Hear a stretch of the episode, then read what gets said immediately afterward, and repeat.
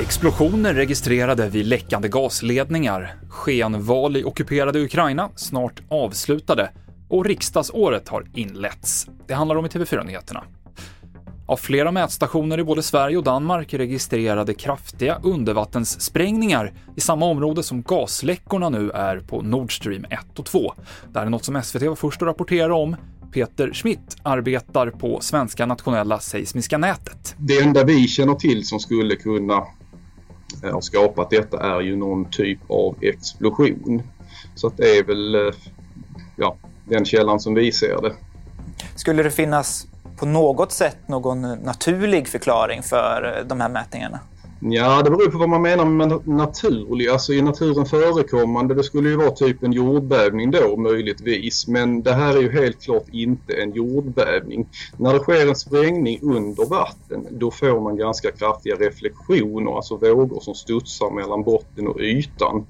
Eh, och de här ser vi då som återkommande störningar i våra mätningar. Så att det är helt klart en Eh, explosion som har skett någonstans i vattenpelaren.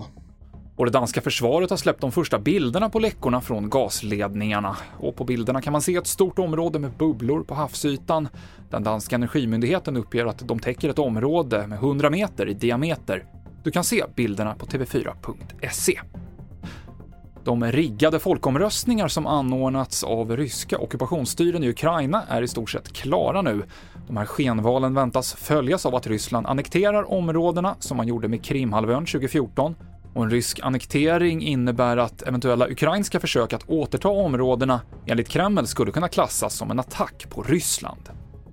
Och nu har arbetsåret i riksdagen officiellt börjat efter dagens ceremoni i riksdagshuset där kungen förklarade riksmötet öppnat. Imorgon ska moderatledaren Ulf Kristersson stämma av med talmannen hur det går i förhandlingarna om att bilda en ny regering. Ingenting är klart förrän allting är klart och det är många saker som ska diskuteras igenom. Men det går bra och jag kommer komma tillbaka så fort jag är färdig.